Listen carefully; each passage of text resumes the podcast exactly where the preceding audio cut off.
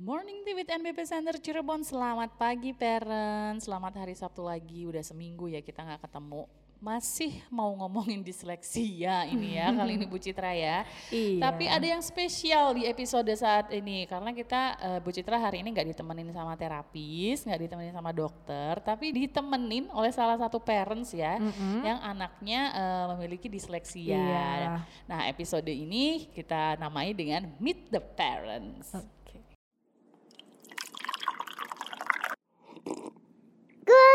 Morning. Ya, eh, selamat pagi Bu Citra, apa kabar? Pagi, kabar baik Mbak Devi. Sehat-sehat aja ya. Sehat, alhamdulillah. Nah, parent yang akan kita ajak untuk ngobrol-ngobrol seputar disleksia eh, pada Sabtu pagi ini ada Bu Wita. Bu Wita selamat pagi. Pagi Mbak Devi.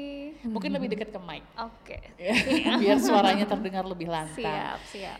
Jadi Bu Wita ini adalah merupakan salah satu ini ya pasien pertama ya dari NBP Cen- Center ya di awal-awal banget ya waktu kita masih gedung Gedung lama ya. Gedung gedungnya lama. belum diapa-apain gitu. Nah, Bu Wita mungkin boleh perkenalkan diri dulu ya. Silahkan Bu Wita. Ya, selamat pagi semuanya. Perkenalkan nama saya Juwita, biasa dipanggil Wita.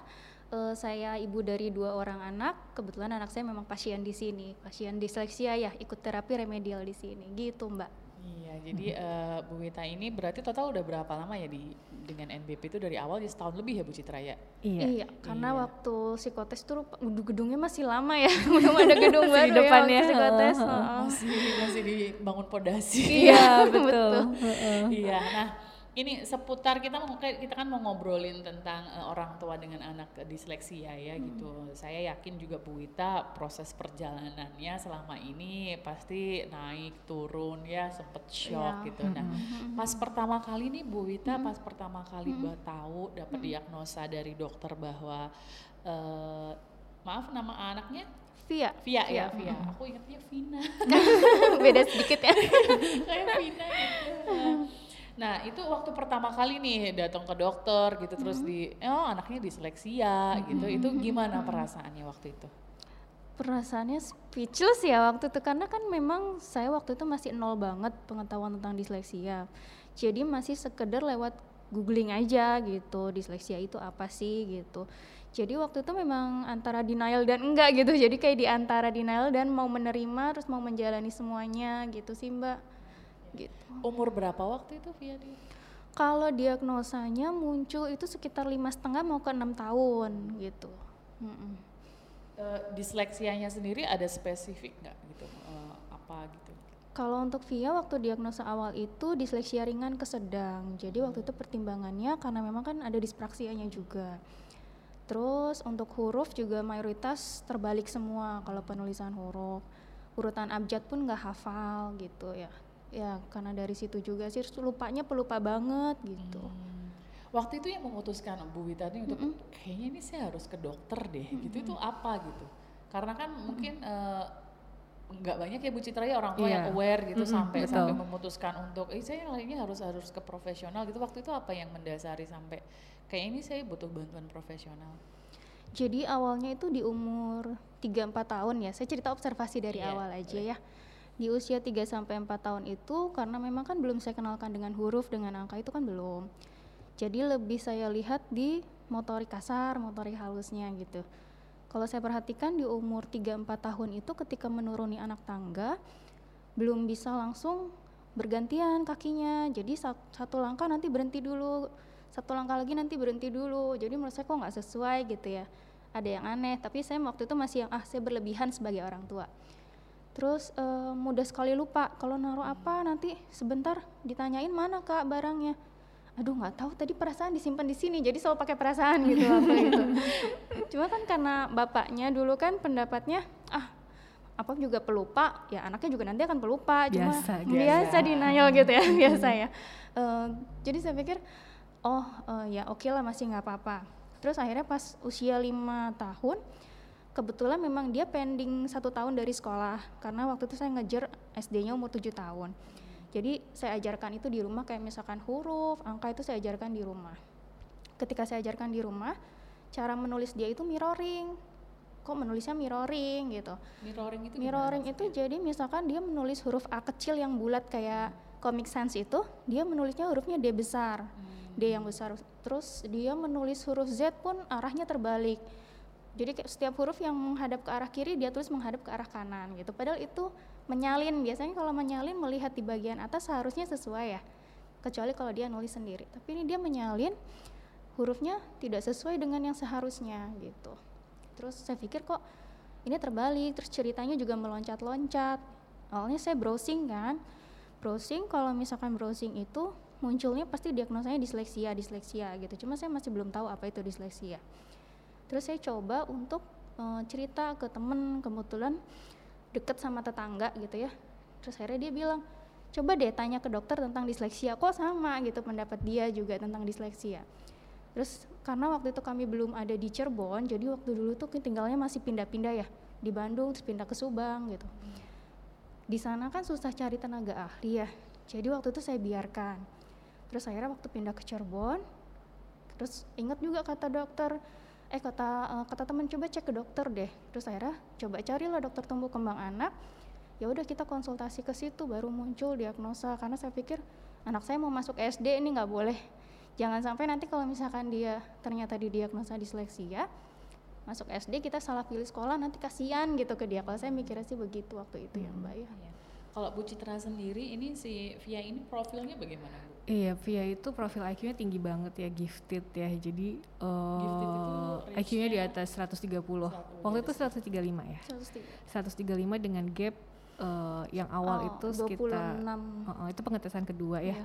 Uh, uh, jadi yang awal itu lebih dari 26, sekitar 30 lebih gitu, terus yang pengetesan kedua di 26 gapnya. Jadi memang untuk anak-anak disleksia itu verbal IQ dan performance IQ-nya memiliki kesenjangan yang cukup jauh, lebih dari 10 sampai 15 poin gitu. Jadi memang pada VIA itu uh, kalau kita lihat secara awam tidak paham apa itu disleksia, kelihatannya anaknya yang ceriwis banget ya, Bu ya. ya anaknya ceriwis banget, banyak ngomong sampai kapan sampai kurang paham kapan dia harus berhenti ngomong, kapan hmm, dia betul, harus memulai betul. gitu. Hmm. Terus kadang uh, apa namanya aktif juga ya explore gitu hmm. maunya oh terus pinter gambar juga ya via ya, ya, ya. pinter gambar terus uh, apa tuh uh, kelihatannya nggak bisa diem ya? Nggak bisa diem. nggak bisa mm. diem. Uh, uh, gitu. Aktif banget aktif gitu ya. iya. -mm. Oh, iya. terus uh, gimana uh, boleh sharing juga gitu? Perjuangannya setelah tahu anaknya didiagnosa disleksia gitu terus uh, sejauh ini apa aja yang sudah dilakukan dan boleh diceritain perjuangan dari awalnya sampai uh, terapis berapa kali seminggu? Dulu awalnya tiga kali. Dulu awalnya tiga kali, akhirnya sekarang jadi satu kali. Jadi kalau misalkan kita lihat dari awal gitu, sempat waktu itu sempat nunggu antrian untuk bisa dapat jadwal terapi. Hmm. Jadi saya pikir uh, untuk nunggu antrian ini kan sekitar lama, sekitar enam bulanan lah ya sampai bisa ikut terapi gitu. Di masa itu saya sempat merasa galau ya, kok bisa anak saya disleksia gitu saya sebenarnya waktu itu nggak tahu ini uh, kalau misalkan awalnya itu disleksia itu adalah genetik. Jadi pasti orang tuanya pun disleksia juga gitu. Saya masih nggak tahu. Jadi saya pikir disleksia itu karena memang saya kurang menstimulasi waktu itu. Saya di situ mikirnya.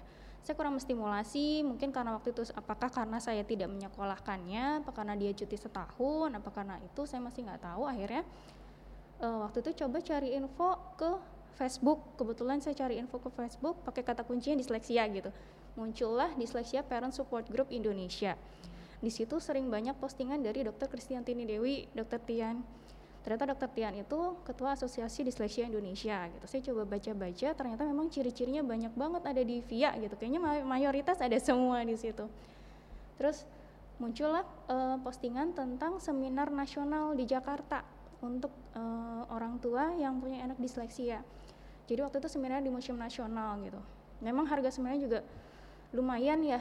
Cuma saya pikir untuk pertama kali tahu nggak apa-apa lah gitu dikejar sampai ke Jakarta juga. Uh, waktu itu ditemani sama suami ikut seminar nasional di sana. Barulah kebuka nih satu-satu. Disleksia itu ternyata genetik loh. Terus kita selalu langsung saling tunjuk nih. Kamu nih pasti kamu nih pasti langsung saling gitu kan. Enggak enggak bukan dari aku bukan dari aku pembelaan biasa lah ya.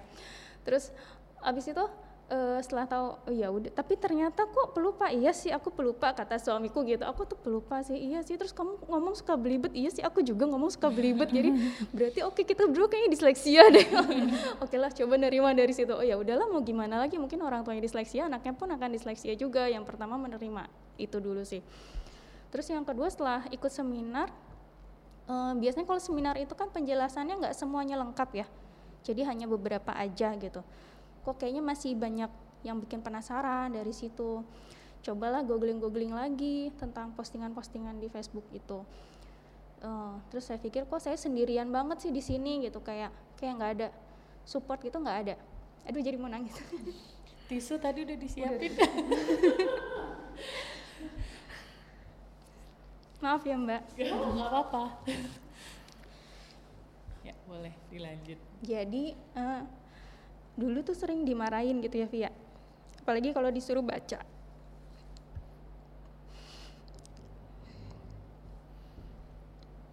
Ingat banget dulu Via diajarin baca sama salah satu, salah satu keluarga dia dimarah-marahin. Gimana sih gitu aja lupa gitu aja lupa. Kamu gimana sih gitu? Kamu nih ngajarin anak nggak bener gitu. Jadi saya juga kena anak saya juga kena. Masa baru lima menit udah lupa gitu padahal tadi bisa. Dan itu yang ngomong karena orang terdekat jadi saya merasa saya ibunya bisa apa gitu saya ibunya bisa apa saya nggak bisa ngajarin anak. Dan saya waktu itu emang sama sekali nggak tahu metode buat ngajarin anak disleksia itu seperti apa gitu kan. Uh, terus di situ support yang paling deket ya dari suami gitu ya alhamdulillah beliau support sekali.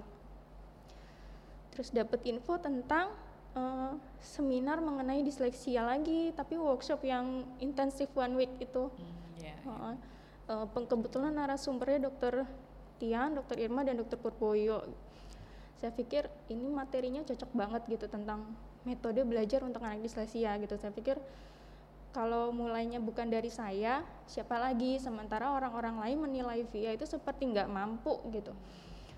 Sebenarnya kalau menurut saya kan nggak ada anak yang bodoh ya. Mungkin cara kita aja nih cara kita yang belum menemukan cara yang tepat buat ngajarin anak gitu cuma saya sedih aja sih kalau melihat Via dimarah-marahin apalagi karena dia kayak nggak mudah menangkal apa yang diajarkan orang gitu. Lupa lagi lupa lagi. Jadi memorinya tuh seperti teflon yang uh, kalau kita simpan apa nanti ngalir lagi ngalir lagi gitu.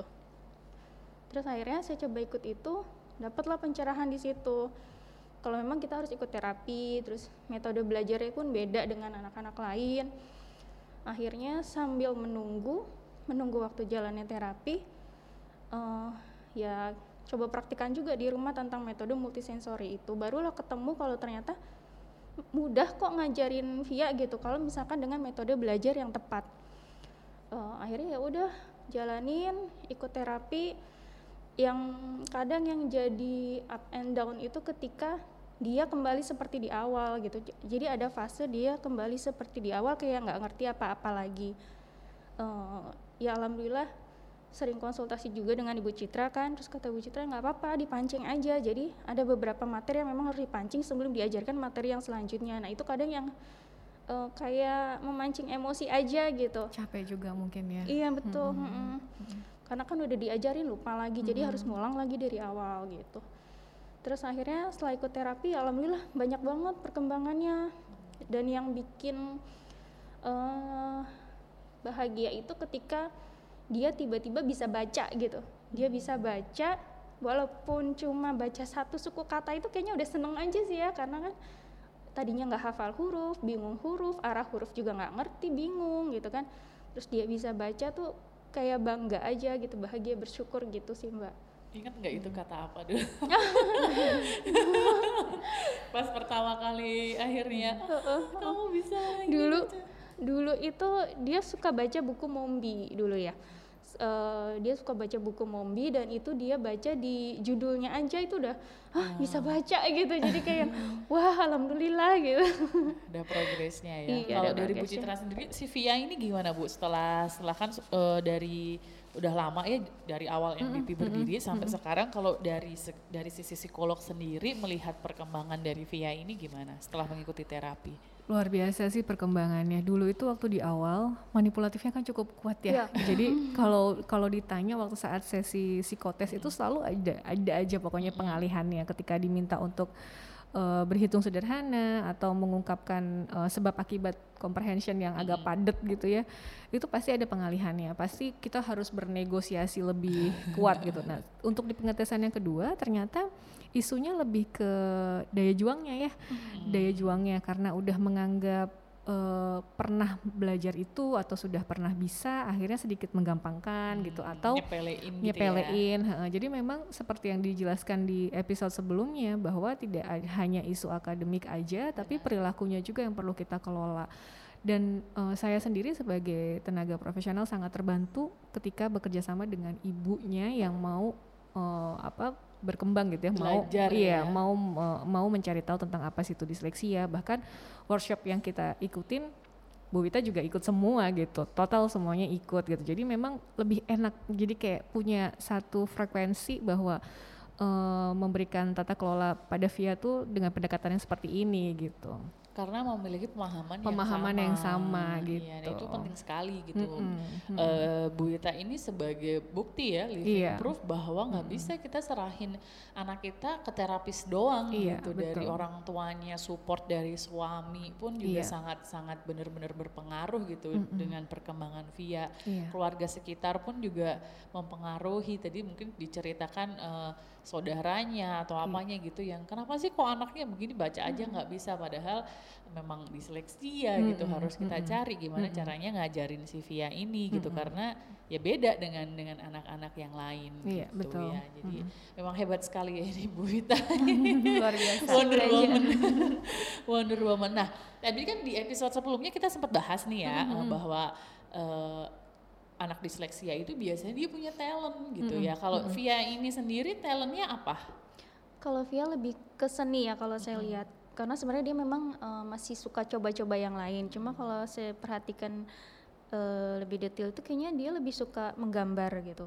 Karena kalau misalkan kita kasih project menggambar, kelihatan banget excitednya gitu hmm. dia jadi berjam-jam juga mau kalau disuruh gambar dibandingkan suruh baca dan berhitung dan berhitung gitu. dari memang ini ya bicara dari awal memang uh, uh, sudah kelihatan atau gimana ini Sivia ini waktu awal ketemu belum terlalu menonjol di menggambar tapi suka bercerita hmm. suka bercerita walaupun secara uh, susunan kalimat masih belum uh, terstruktur jadi kadang kalau mengungkapkan ide loncat-loncat gitu belum selesai udah loncat lagi gitu terus sering masih keluar dari kursi tapi sekarang udah bisa duduk ya duduk hmm. siap gitu menerima instruksi udah bisa kalau Via tuh sekarang umur berapa sih Bu Gita berarti? Umur 8. Umur 8 hmm. berarti udah sekolah ya? Udah sekolah, kelas 2. Kelas 2. Di sekolahnya gimana Bu?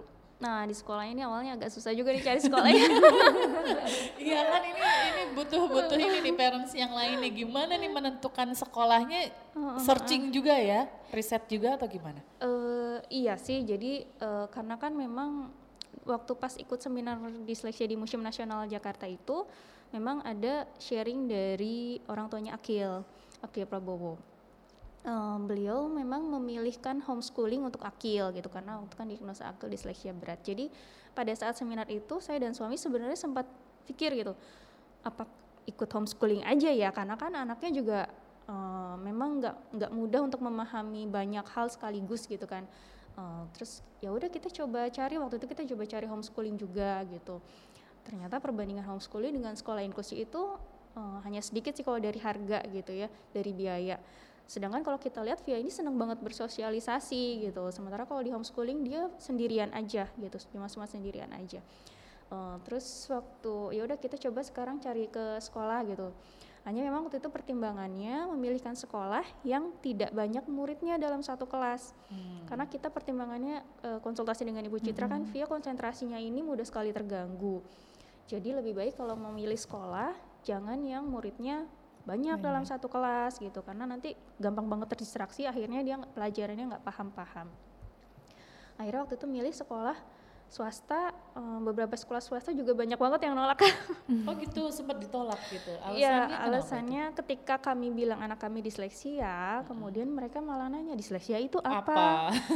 aduh kayaknya agak berat hati gitu kalau menitipkan anak di sekolah yang memang belum tahu sama sekali disleksia benar, gitu benar, mendingan benar, homeschooling benar. aja kalau kayak gitu cuma uh, uh, ketika kami bilang anak kami disleksia, terus uh, salah satu itu juga salah satu anak berkebutuhan khusus mereka memang ya mungkin karena mereka bertanggung jawab juga akan anak didiknya ya jadi kalau hmm. mereka nerima anak disleksia tapi mereka belum menguasai juga mereka berat juga mungkin ya. Benar, ya ada tanggung jawab moralnya betul, juga ya betul jadi saya pertimbangannya ke situ oh ya mungkin itu salah satu pertimbangan dari sekolah-sekolah yang sebelumnya uh, tidak menerima anak disleksia gitu hmm. sampai akhirnya pada uh, satu sekolah yang ketika kami tanya terima anak disleksia nggak di sini.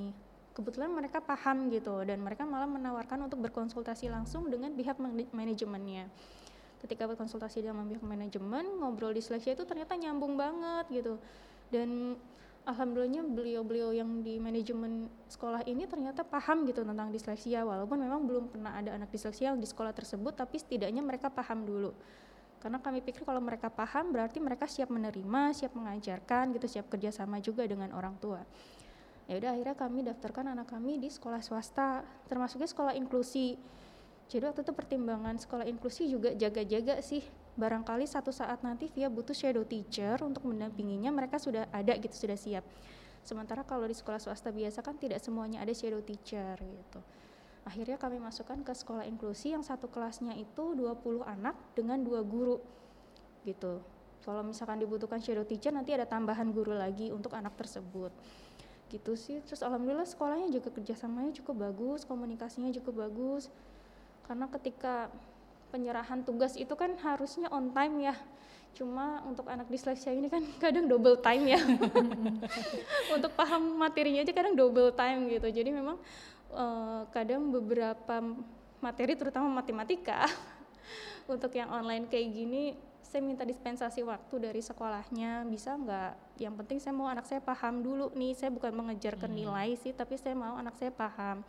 Oh iya nggak apa-apa silakan mam kata sekolahnya gitu. Nggak apa-apa nanti dikumpulkan dua minggu setelahnya atau pengambilan modul berikutnya gitu. Jadi mereka kasih dispensasi juga gitu Iya, gitu. jadi memang proses untuk memilih sekolahnya pun juga panjang ya, Betul. tidak mm-hmm. tidak uh, asal masuk sekolah, asal Kalau nggak salah waktu itu setahun sebelumnya ya. Waduh, persiapannya dari setahun sebelumnya. Persiapannya dari, dari setahun sebelumnya cari sekolahnya. Tapi kan itu untuk masa depan anak ya Bu Wita ya, jadi memang iya, nggak mau main-main asal mm-hmm. masukin mm-hmm. anak ke sekolah yang mungkin mm-hmm. walaupun sekolahnya terkenal, tapi kalau mm-hmm. tidak bisa mendukung yeah. kebutuhan uh, anak kita ya untuk apa kan mm-hmm, seperti itu.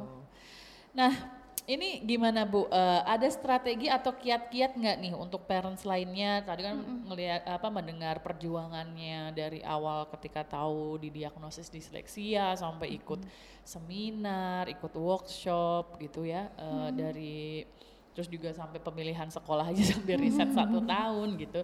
Ada strategi atau kiat-kiat nggak untuk parents lainnya yang mungkin memiliki buah hati yang diagnosa disleksia juga gitu? Strategi mendidik anaknya juga gimana yang diterapkan di rumah? Hmm. Uh, kalau berdasarkan pengalaman saya ya, dulu jangan lupa observasi anak gitu. Mulai dari usia-usia anak, apakah sudah sesuai. Jadi jangan kalau misalkan ada yang tidak sesuai jangan denial gitu. Ah gampang lah nanti juga bisa. Kadang itu jadi doktrin yang bikin kita mikir kalau anak kita tidak butuh bantuan. Terlena ya. Betul, betul tidak butuh bantuan tenaga profesional gitu. Padahal sebenarnya itu adalah tanda-tanda kalau anak kita tuh sebenarnya butuh bantuan profesional gitu uh, kalau waktu itu saya caranya dengan mencatat. Jadi setiap ada yang tidak sesuai dengan perkembangannya, saya coba catat di notes. Jadi mas uh, via anak saya kan dua via dan Alden. Ini mereka punya binder yang isinya perkembangan kayak mulai dari motorik kasar, motorik halus, gimana huruf sama angka, terus apakah ada kata-kata yang terbalik, angka yang terbalik atau tidak, itu dicatat semuanya di situ di binder. Kalau memang ternyata banyak ditemukan ketidaksesuaian dengan usia perkembangannya, atau orang tuanya ragu-ragu nih kok anak saya sering terbalik? Kok anak saya loncat tidak seimbang ya sering jatuh sering tersandung gitu baiknya sih langsung konsultasikan dengan tenaga profesional tuh. Uh, psikolog anak terus dokter yang kompetensinya di tumbuh kembang anak. Kemudian ketika sudah muncul diagnosa kalau buat saya tidak apa-apa menerima kondisi yang negatif gitu ya. Biar biarkan diri kita menerima dulu menerima dulu sampai kita merasa sudah tenang tapi jangan terlalu lama juga. Jangan terlalu terlena dengan su suasana hati yang merasa tidak enak itu. Karena kan anak kita berkembang ya. Kalau misalkan kita terlalu terlena dan tidak mau bangkit tidak mau maju kasihan anaknya. Nanti siapa yang ngebantu kalau bukan orang tuanya sendiri gitu. Kemudian cari support system terutama dari keluarga. Itu penting banget sih support system. Karena yang namanya ibu pasti akan merasa sangat bersalah kalau anaknya dalam kondisi didiagnosa anak berkebutuhan khusus gitu. Itu sudah ada perasaan bersalah dan tidak ada dukungan dari keluarga atau lingkungan terdekat pasti akan semakin merasa tertekan gitu. Kalau sudah begitu dan keluarga mensupport, baiknya ikuti seminar-seminar atau workshop yang berkaitan dengan keadaan anak. Kayak misalkan keadaan anak saya disleksia, berarti saya harus ikut workshop tentang disleksia atau seminar tentang disleksia. Uh, dan kalau memang ada biaya ya misalnya biayanya ada banyak gitu ya orang tuanya punya biaya sendiri jangan cuma ikut satu gitu. Kadang kalau cuma ikut sekali informasinya yang didapat pun hanya sedikit. Sementara kalau ilmu pengetahuan itu kan berkembang terus ya. Pasti pada workshop selanjutnya seminar selanjutnya akan ada ilmu-ilmu baru gitu yang disampaikan oleh narasumber. Ikut ikut lagi pun nggak apa-apa karena saya tuh beberapa kali ikut lagi gitu dan itu muncul muncul ilmu baru yang saya baru tahu gitu. Dan itu sangat bermanfaat untuk anak kita. Dan untuk anak disleksia ini uh, gunakan metode multisensori ketika belajar. Uh, karena itu sangat uh, berpengaruh positif banget untuk anak. Anak mudah paham mudah mengerti kemudian uh, itu juga nggak bikin anak mudah lupa kok. Dibandingkan kita hanya paper and pencil aja gitu. Orang tuanya juga harus belajar gitu. Belajar untuk mau mendampingi anak untuk mau menerima keadaan anak dan mau membantu atau mensupport uh, bakat yang ada pada diri anak gitu sih mbak ya karena disleksia itu juga bukan hal yang dalam tanda kutip buruk ya iya, gitu bahkan betul. banyak sekali orang-orang yang berhasil itu uh, mempunyai disleksia gitu hmm. ya kalau Bu Citra apa Bu pesan untuk parents yang memiliki anak uh, dengan disleksia Bu? Iya sama sih saya akan support untuk kadang kita nggak berhenti berhenti buat uh, ngingetin para parents ya eh, nanti kita ada live Instagram loh gitu terapis remedial nih yang ngisi atau uh, ada seminar nih gitu karena dari dari parents sendiri kayak uh, kemajuan untuk terapi ya itu kan 21 jam dalam satu minggu ya. Hmm. Kalau terapinya hanya lima jam, sisanya kan ikut parents. Jadi yeah. memang parents ini kita kita kita ajak kerjasama supaya tumbuh kembangnya optimal gitu dan kerasa banget ketika parentsnya bisa bisa mengikuti uh, apa namanya soft skillnya bisa berkembang gitu ya mengikuti workshop workshop ini jadi lebih enak mm -mm. dan penerimaannya juga jadi lebih bagus gitu ya jadi nggak nggak gak merasa jatuh terlalu lama gitu perasaan hmm. itu tetap ada tetap di, dibiarkan hadir bahwa ada rasa sedih uh, marah dengan diri ya. sendiri iya betul gitu jadi tapi setelah itu kita bangkit iya, gitu ya, karena kita harus move on iya, waktu ya, betul. waktu uh, umur anak-anak kita ini nggak bisa diulang betul, lagi betul. gitu sementara ya. kalau sudah nanti sudah semakin dewasa sudah semakin sulit gitu ya. bersedih boleh merasa jatuh pun manusiawi sekali gitu ya, ya apalagi dengan omongan orang sekitar tapi kalau nggak buru-buru bangkit ya. nanti anak ini keburu uh, apa uh, terlalu lama ya jadi ya, intervensinya akan semakin susah ya. gitu ya. nah ini terakhir nih Bu Wita nih ya um, kalau Via kan nggak ada di sini nih. nih ya, uh, kalau misalnya Via ada di sini, uh, Bu Wita mau sampaikan apa untuk Via? Uh, jadikan disleksia itu adalah kekuatan positif yang ada di diri Via. Jangan dengarkan omongan negatif dari orang lain, percaya sama diri Via kalau Via itu bisa.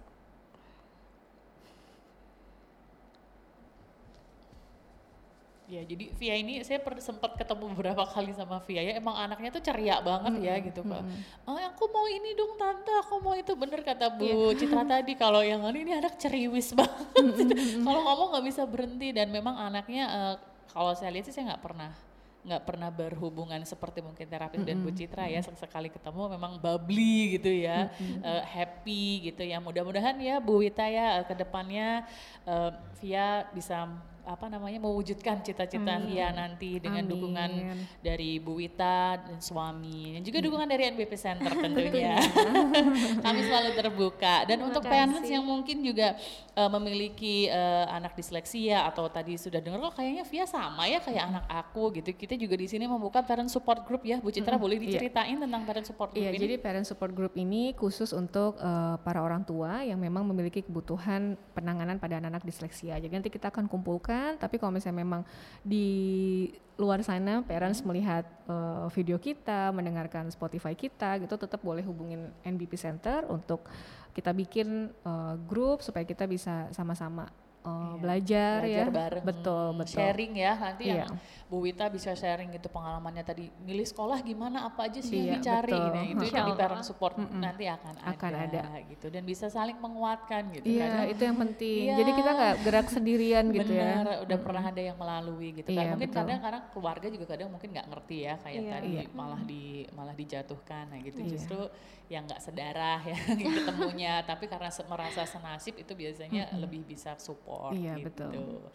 Ya sudah em, episode haru melihat perjuangan seorang ibu, perjuangan orang tua ya demi masa depan anaknya. Nah, kalau parents juga mempunyai eh, masalah seputar tumbuh kembang anak yang ingin dibahas di NBP Center Cirebon, baik di podcast, di IG Live atau di YouTube nanti akan dijawab oleh eh, profesional kita ya. Bisa layangkan melalui DM kita di Instagram @nbpcenter.cirebon.com atau melalui email di nbpcenter cirebon@gmail.com ya Eh, cukup terima kasih Bu Terima kasih, Citra sama-sama, terima Mbak. kasih Bu Wita semoga eh, sisa harinya menyenangkan ya Amin, gitu. insya Allah. Eh, we'll see you again next week bye bye, Bye. Goodbye.